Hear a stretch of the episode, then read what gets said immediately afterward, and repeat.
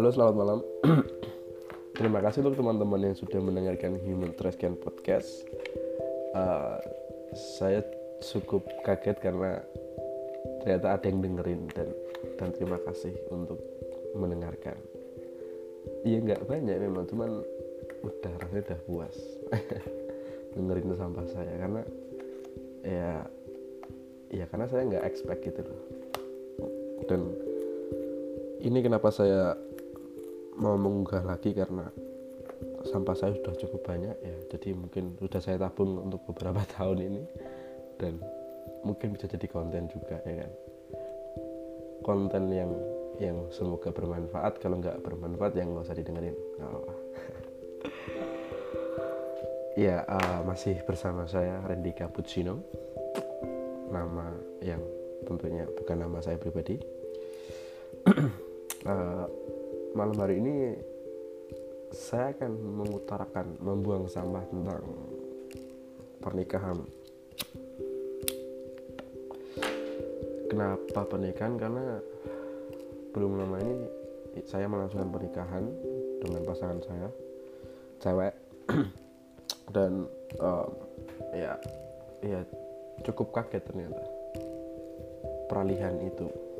Karena uh, kenapa saya bilang cukup kaget karena sebenarnya di umur saya yang masih muda 27 tahun ini uh, kalau ditanya tentang target nikah sebenarnya selalu menjawab pasti di umur 30-an 32 35 lah. Karena saya sendiri belum siap mental untuk menik hidup menikah hidup dalam pernikahan. Karena um, mungkin kebanyakan orang emang siap untuk melangsungkan pernikahan cuman kehidupan menikah itu emang benar-benar di tahap yang berbeda. Yang yang nggak yang nggak saya bayangkan bahkan ya kan? Kalau pacaran sih masih aman ya karena kita masih bisa masih bisa caw pergi gitu. Atau diper, ditinggal pergi. Dan bisa cari bisa cari yang lain. Tapi kalau menikah ya kalau prinsip saya tetap monogami. Satu sampai mati. Saya melangsungkan pernikahan itu pada tanggal 29 Desember kemarin tahun 2020 belum lama ini ya karena memang saya pada waktu itu bisa dikatakan ya bukan bisa dikatakan memang MBA kenapa saya memutuskan untuk MBA karena ya daripada saya membuang satu nyawa kan ya. Tapi di sini saya nggak menjustifikasi orang yang uh, apa namanya uh, pernah melakukan itu. Nah, atau kasarnya aborsi nah gitu. Saya nggak menjustifikasi saya nggak berani bilang itu benar atau salah tapi it's your choice. Oke okay. tadi itu bukan tema kita malam hari ini tema malam hari ini adalah pernikahan saya didasari oleh MBA tadi. Ketika saya tahu hari-hari di mana saya tahu bahwa pasangan saya pada itu telat yang ada di pikiran saya adalah how to make it happen. Itu aja sebenarnya. Mau dibilang gimana pun ya ya ya nggak masalah. Tapi saya menerima kenyataan itu dengan sangat baik. Intinya di situ sih. Tapi dalam pikiran saya itu gimana menyatukan opini-opini minimal tuh keluarga inti aja gitu. Biar sepakat dan ya gitu. Sekitar bulan Oktober apa ya? Oktober mungkin atau November saya kurang kurang paham. Makanya nggak lihat tanggalan itu atau saya ngabarin kalau dia tuh telat dan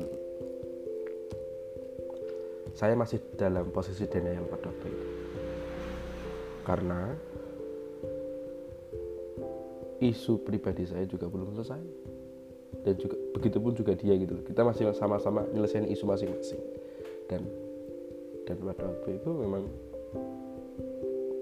ya tetap harus diselesaikan itu. Ya cuman ketika saya dinilai itu ah mungkin dia hanya kecapean masuk angin bla bla bla. Pokoknya banyak alasan pembenar yang yang dipakai di kepala tuh. Terus setelah setelah uh, iya bulan November kalau nggak salah sih atau Oktober akhir itu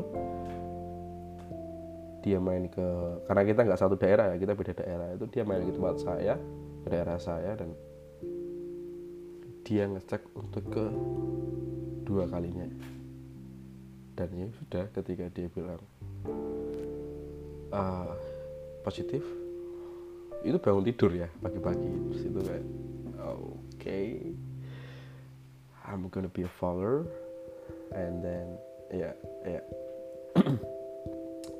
oke okay, uh, di situ untuk menerimanya sebenarnya nggak susah. Cuman uh, menerima kenyataannya yang susah itu adalah uh, apa namanya hal sosialnya. Gimana coba. Paham kan maksudnya? Uh, entah itu ngomong ke orang tua atau ngomong ke sana dan lain-lain. Itu yang susah. Tapi bukan berarti saya tidak menerima ya. Nah, itu terus ya udah. Saya coba bilang pada waktu itu oke okay, iya seneng lah. Kalau itu seneng sebenarnya seneng. Benar-benar seneng. Karena it's my son. And then uh, uh, aku setelah itu kita liburan bentar jalan-jalan terus dia balik lagi ke bukan ke daerahnya tapi ke kota lain karena dia kerja di kota lain. Terus kita, aku berapa hari ya? Dari dari situ tiga hari mungkin tiga hari aku bilang ke orang tua. Saya bilang ke orang tua bahasanya kalian akan punya cucu gitu uh, reaksinya kaget pasti kaget lah kaget. Pasti juga ada kecewa sedih juga ada seneng tapi iya gitu kan. Karena di posisi orang tua meskipun mereka apa namanya uh, katakanlah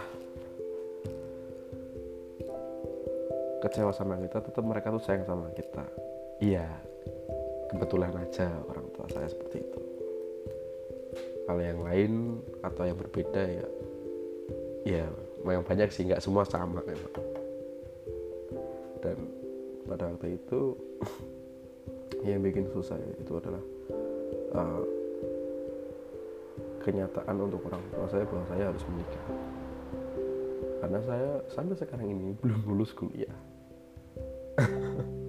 Sebenarnya cuma itu sih cuman karena ada ada usaha jadi mungkin mungkin agak sedikit lebih tenang. Gitu. Terus?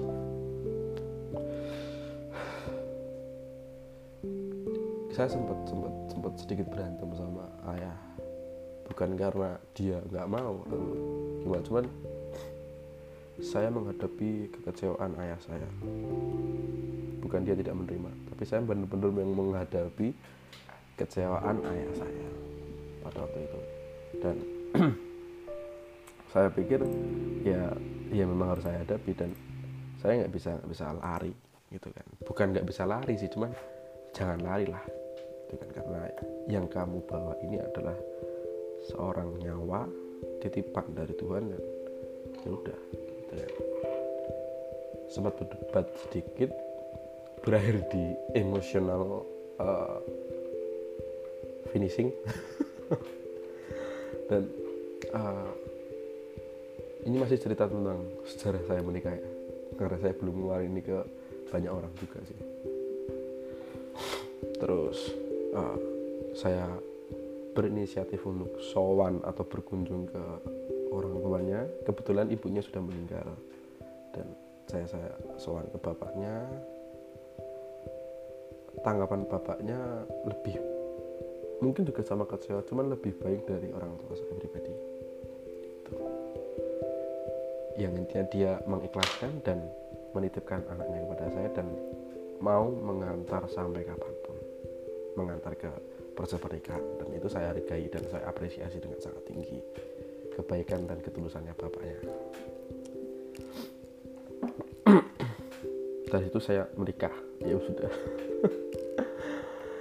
Dan uh, yang tidak saya duga itu adalah isu-isu itu isu pribadi itu muncul ternyata. Muncul. Ada yang dampaknya ke pasangan ada yang enggak. Kalau untuk saya pribadi isu saya muncul ke saya sendiri. Dalam sikap gitu kan. Yang juga menanggapi isu. Isu saya pribadi itu muncul ketika menanggapi isunya dia yang muncul ke saya. Jadi gitu. Dan kalau bilang kalau kalau orang semua itu egois katakanlah itu dengan sangat mudah. Rumah tangga itu hancur dalam katakanlah lima detik saja. Iya itu kasarannya. Kasarnya 5 detik. Ya nggak 5 detik juga terus uh, itu kalau kita semua itu egois. Gak usah rumah tangga pacaran pun pasti gitu terus saya berinisiatif untuk untuk selalu mengingat pesannya ibu ketika uh, sebelum saya menikah dan sudah menikah ya. Untungnya saya masih didampingi sama ibu pada waktu itu dan uh, pesan ibu cuma satu bahwasanya tanggung jawab tuh ngomong bareng. Ya yo yo tanggung jawab itu kayak ngomong tuh apa ya? Uh, membersamai. Apa sih? Aduh. Ya gitulah paham ya? Pokoknya yang harus kita harus bisa menjaga ego kita juga. Jangan sampai keluar yang berlebihan juga untuk mengontrol uh, emosi juga dan lain-lain. Hal-hal seperti itulah. Supaya bisa belajar dan tumbuh bersama. Intinya itu sebenarnya kan. Uh, karena saya meyakini tadi di awal bilang saya meyakini monogami ya pasti saya melakukan itu dan tapi uh, dalam kehidupan menikah itu ada ada aja emang untuk hal-hal yang yang bikin saya apa namanya uh, susah susah. Berpikir keras dan lain-lain tuh ada aja. Hampir setiap minggu tuh ada dan dan itu sesuatu gift yang hebat dari Tuhan yang yang pernah saya rasakan. Ya saya karena percaya saya percaya sama Tuhan ya kan. Itu gift yang hebat dari dia dan benar omongannya. Ibu bahasanya memang harus belajar bersama. Ya belajar ya berarti kita mau nggak mau harus menerima pelajaran itu kan. Dan jangan sampai kelewatan. Karena kalau kelewatan besoknya diulangin lagi ada remedial. Dan saya nggak mau itu. Makanya uh, pelan-pelan juga untuk memulai pasangan tuh nggak semudah yang saya bayangkan emang. Terlebih uh, kita di umur yang hampir sama terus masih punya ego masing-masing jadi ya seperti itu isunya juga berbeda masing-masing. Uh, jadi lebih ke gimana sih kalau kalian nggak bisa menangani pasangan kalian itu ya kalau masih pacaran ya aja sih. Demi keselamatannya kan keselamatan kalian berdua tentu tapi kalau udah nikah dan terjadi kasus seperti saya ini yang harapannya enggak juga nggak ada yang terjadi juga. Itu kan mau nggak mau harus belajar yang namanya penerimaan. How to accept. Kalian putar otak kalian putar perspektif. Yang bikin kalian tuh bisa berpikir bahwasanya oh ini mungkin terdengar capek atau terkesan capek kalau terus-terusan. Cuman dari situ kalian tuh paham itu di situ menerima tuh bukan berarti setiap apa yang dia lontarkan atau keluarkan pasangan kalian melontarkan atau keluarkan itu kalian terima tuh enggak. Tapi kalian menghadapinya merespon lah. Penerimaan tuh respon gak sih? Hah, merespon pasangan kalian dengan baik. Itu sebenarnya. Kalau dia mulai katakanlah kalian kalian punya pasangan yang insecure katakanlah. Ini kalau saya sendiri ya. Ada isu itu di dia. Ya pakai perspektif yang di mana uh, merespon dia dengan, dengan motor lewat. Memakai perspektif yang bisa dipakai dia untuk apa ya menenangkan hatinya supaya insecurity-nya itu kadarnya turun lagi. Itu akan terjadi terus sebenarnya. Uh, kalau hilang sih nggak tahu ya bisa hilang atau enggak cuman setiap kita merespon dengan baik yang insecure-nya tadi muncul tinggi itu jadi berkurang dan lama-lama kalau kita melakukan hal seperti itu jadi dia pu jadi punya respon yang sama itu loh untuk dia sendiri. Paham gak sih? Ya kan? Ketika katakanlah hal kecilnya tuh kayak gini contohnya. Ah jerawat tuh gini gini gini gini. Oh iya sayang um, mungkin mungkin jerawatmu tuh tumbuh karena bla bla bla gini. Jadi besok jangan makan ini ya. Yang kalian respon tuh hal seperti itu kalau saya yang kalian respon tuh hal, hal seperti itu dan dan ketika muncul hal lagi hal insecure lagi dan lain-lain ya dia akan dengan sendirinya si pasangan kalian itu akan mengingat atau melatih juga mental dia. Cuman pesannya satu sih harus kuat-kuat. Karena yang yang terkesan capek itu beneran bener-bener capek. Tapi ya sebenarnya kalau kalian sudah yakin ya ya ya enggak enggak capek. Tapi kalau belum yakin ya ya putuskan. Kalau kalian ingin katakanlah kalian yakin kalian nggak bisa yakin ya dengan katakan yakin 100% kalian nggak bisa untuk MBA katakanlah kalau udah terjadi amit-amit tapi atau dalam kasus lain nggak MBA aja lah kalian dipaksa harus menikah ya kalian mending mengorbankan orang lain kalau seperti itu. Karena nanti jadi korban kamu sendiri dan yang jadi stres dampaknya itu ke mana-mana. Terutama kamu sendiri juga. Orang dampak gede sendiri aja juga sudah mengerikan apalagi ke lingkungan sekitar. Ya hal-hal semacam itu sering muncul sebenarnya dalam dunia pernikahan. Dan sering saya lihat di di kehidupan pernikahan ibu dan bapak saya. Tapi sebenarnya kalau dilihat lagi kalau kalau kalian lagi sendiri gitu kan terus bayangin kegoblokan pasangan kalian atau isu pasangan kalian keluar ke kalian tuh jadinya tuh lucu. Dan saya yakin ketika lucu ketika kalian bisa menertawakan bukan menertawakan apa namanya uh, isu orang ya cuman menertawakan kejadian tersebut. Buk menertawakan yang gimana ya? Ya kayak itu hal lucu aja terjadi di kehidupan tuh. Kalian mengalami suatu pendewasaan dalam hidup itu pasti. Kenapa jadi motivasi? Itu nggak tapi itu yang tak rasain sih selama ini dan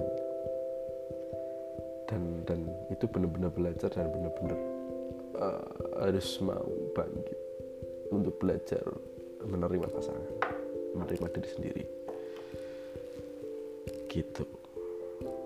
Jadi ya mungkin dari semua itu untuk malam hari ini cukup sampai di sini dulu karena takutnya saya kehabisan topik. Nah ding sebenarnya banyak udah saya kumpulkan udah saya rangkum dalam beberapa tahun ini dan ya siap saya keluarkan jadi untuk malam ini terima kasih telah menemani menemani saya untuk bercerita tentang sampah saya Selamat malam dan sampai jumpa.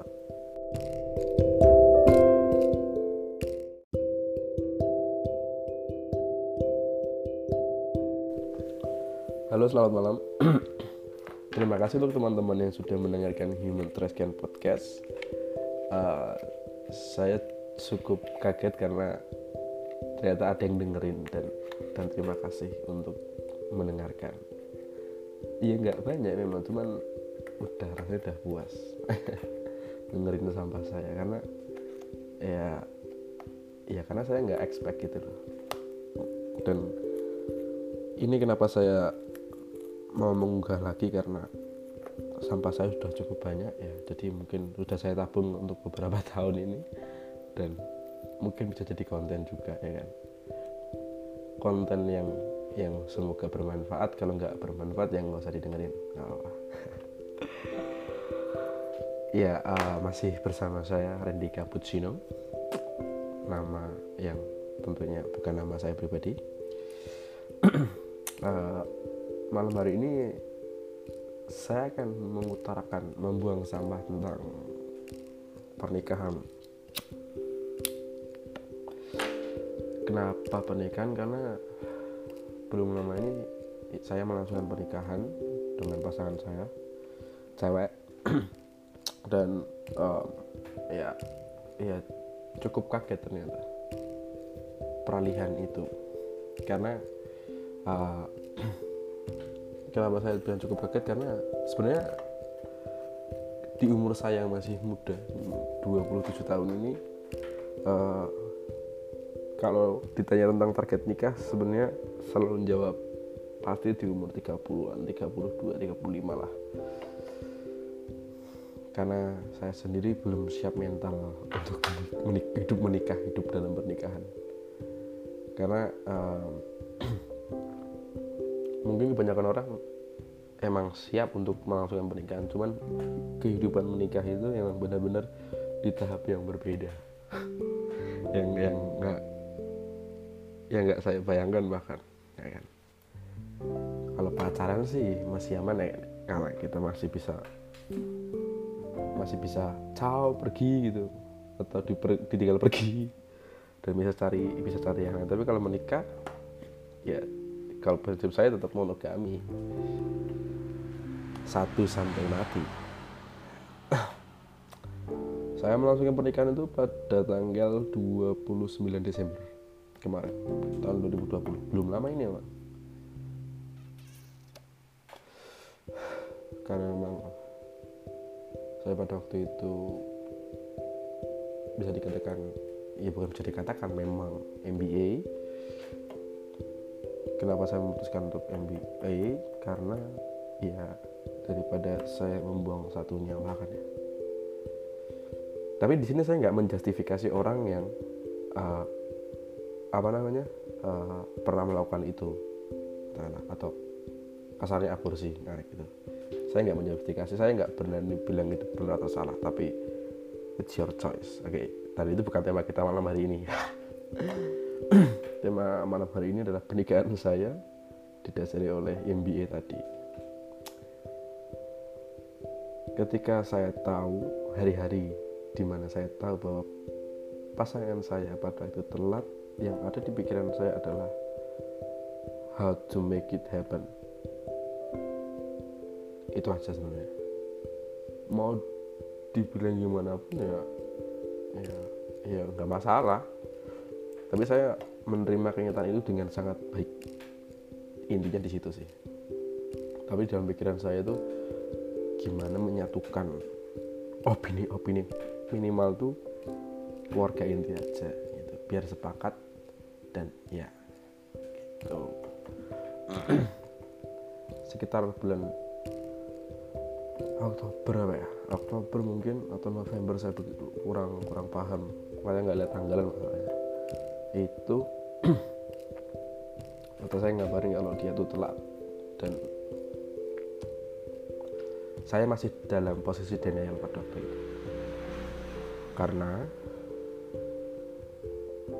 isu pribadi saya juga belum selesai. Dan juga begitupun juga dia gitu kita masih sama-sama nyelesain isu masing-masing. Dan dan pada waktu itu memang ya tetap harus diselesaikan isunya cuman ketika saya denial itu ah mungkin dia hanya kecapean masuk angin bla bla bla. Pokoknya banyak alasan pembenar yang yang dipakai di kepala tuh. Terus setelah setelah uh, iya bulan November kalau nggak salah sih atau Oktober akhir itu dia main ke karena kita nggak satu daerah ya kita beda daerah itu dia main ke tempat saya ke daerah saya dan dia ngecek untuk ke dua kalinya dan ya sudah ketika dia bilang uh, positif itu bangun tidur ya pagi-pagi. Terus itu kayak oke okay, I'm gonna be a father. And then ya yeah, ya. Yeah. oke okay, uh, di situ untuk menerima sebenarnya nggak susah. Cuman uh, menerima kenyataannya yang susah itu adalah uh, apa namanya hal sosialnya. Gimana coba? Paham kan maksudnya? Uh, entah itu ngomong ke orang tua atau ngomong ke sang dan lain-lain. Itu yang susah. Tapi bukan berarti saya tidak menerima ya. Nah, itu. Terus ya udah. Saya coba bilang pada waktu itu oke okay, iya seneng lah. Kalau itu seneng sebenarnya seneng benar-benar seneng karena it's my son. And then um, uh, aku setelah itu kita liburan bentar jalan-jalan terus dia balik lagi ke bukan ke daerahnya tapi ke kota lain karena dia kerja di kota lain.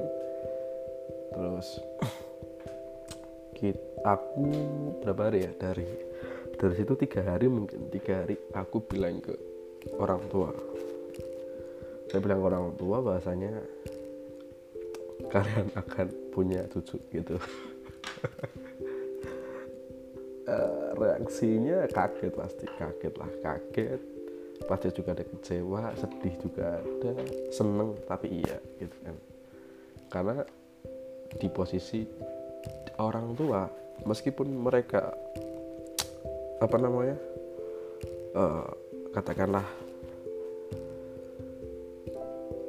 kecewa sama kita tetap mereka tuh sayang sama kita. Iya. Kebetulan aja orang tua saya seperti itu kalau yang lain atau yang berbeda ya ya yang banyak sih nggak semua sama memang. Dan pada waktu itu yang bikin susah itu adalah uh, kenyataan untuk orang tua saya bahwa saya harus menikah. Karena saya sampai sekarang ini belum lulus kuliah. Sebenarnya cuma itu sih cuman karena ada ada usaha jadi mungkin mungkin agak sedikit lebih tenang. Gitu. Terus?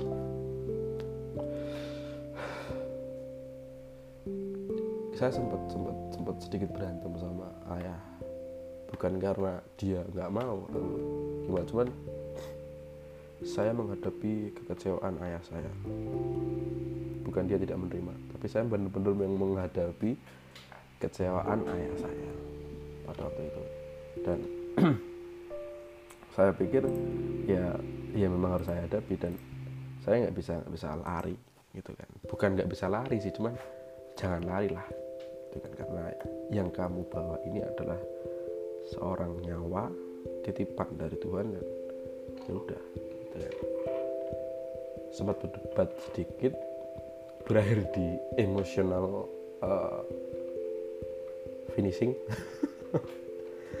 Dan uh, ini masih cerita tentang sejarah saya menikah ya. Karena saya belum ngeluarin ini ke banyak orang juga sih. Terus uh, saya berinisiatif untuk sowan atau berkunjung ke orang tuanya. Kebetulan ibunya sudah meninggal. Dan saya saya sowan ke bapaknya. Tanggapan bapaknya lebih mungkin juga sama kecewa cuman lebih baik dari orang tua saya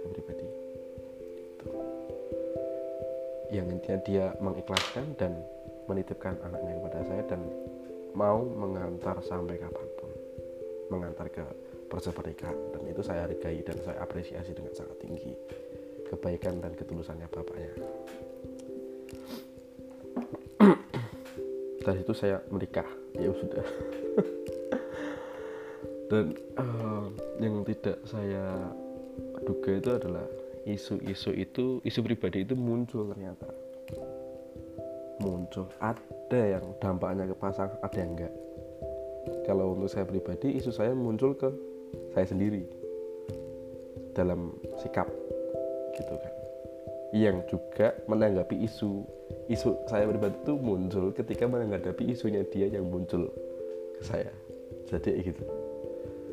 Dan kalau bilang kalau kalau orang semua itu egois katakanlah itu dengan sangat mudah. Rumah tangga itu hancur dalam katakanlah lima detik saja. Iya itu kasarannya. Kasarnya lima detik. Ya enggak lima detik juga terus uh, itu kalau kita semua itu egois. Gak usah rumah tangga pacaran pun pasti saya berinisiatif untuk untuk selalu mengingat pesannya ibu ketika uh, sebelum saya menikah dan sudah menikah. Ya untungnya saya masih didampingi sama ibu pada waktu itu. Dan uh, pesan ibu cuma satu bahwasanya tanggung jawab tuh ngomong bareng. Ya yo yo tanggung jawab itu kayak ngomong tuh apa ya? Uh, membersamai. Apa sih? Aduh. Ya gitulah paham ya? Pokoknya yang harus kita harus bisa menjaga ego kita juga. Jangan sampai keluar yang berlebihan juga untuk mengontrol uh, emosi juga dan lain-lain. Hal-hal seperti itulah. Supaya bisa belajar dan tumbuh bersama. Intinya itu sebenarnya kan. Uh, karena saya meyakini tadi di awal bilang saya meyakini monogami ya pasti saya melakukan itu dan tapi uh, dalam kehidupan menikah itu ada ada aja emang untuk hal-hal yang yang bikin saya apa namanya uh, susah susah. Berpikir keras dan lain-lain tuh ada aja. Hampir setiap minggu tuh ada dan dan itu sesuatu gift yang hebat dari Tuhan yang yang pernah saya rasakan. Ya saya karena percaya saya percaya sama Tuhan ya kan. Itu gift yang hebat dari dia dan benar omongannya. Ibu bahasanya memang harus belajar bersama. Ya belajar ya berarti kita mau nggak mau harus menerima pelajaran itu kan. Dan jangan sampai kelewatan. Karena kalau kelewatan besoknya diulangin lagi ada remedial. Dan saya nggak mau itu. Makanya uh, pelan-pelan juga untuk memilih pasangan tuh nggak semudah yang saya bayangkan emang. Terlebih uh, kita di umur yang hampir sama terus masih punya ego masing-masing jadi ya seperti itu. Isunya juga berbeda masing-masing. uh, jadi lebih ke gimana sih kalau kalian nggak bisa menangani pasangan kalian? Itu ya kalau masih pacaran ya cawa aja sih. Demi keselamatannya kan keselamatan kalian berdua tapi kalau udah nikah dan terjadi kasus seperti saya ini yang harapannya enggak juga nggak ada yang terjadi juga kan mau nggak mau harus belajar yang namanya penerimaan. How to accept. Kalian putar otak kalian putar perspektif. Yang bikin kalian tuh bisa berpikir bahwasanya oh ini mungkin terdengar capek atau terkesan capek kalau terus-terusan. Cuman dari situ kalian tuh paham. Itu di situ menerima tuh bukan berarti setiap apa yang dia lontarkan atau keluarkan pasangan kalian lontarkan atau keluarkan itu kalian terima tuh enggak. Tapi kalian menghadapinya merespon lah. Penerimaan tuh respon gak sih? Hah, merespon pasangan kalian dengan baik itu sebenarnya. Kalau dia mulai katakanlah kalian kalian punya pasangan yang insecure katakanlah. Ini kalau saya sendiri ya. Ada isu itu di dia ya pakai perspektif yang di mana uh, merespon dengan, motor lewat. Memakai perspektif yang bisa dipakai dia untuk apa ya menenangkan hatinya supaya insecurity-nya itu kadarnya turun lagi. Itu akan terjadi terus sebenarnya. Uh, kalau hilang sih nggak tahu ya bisa hilang atau enggak cuman setiap kita merespon dengan baik yang insecure-nya tadi muncul tinggi itu jadi berkurang dan lama-lama kalau kita melakukan hal seperti itu jadi dia pu jadi punya respon yang sama itu loh untuk dia sendiri.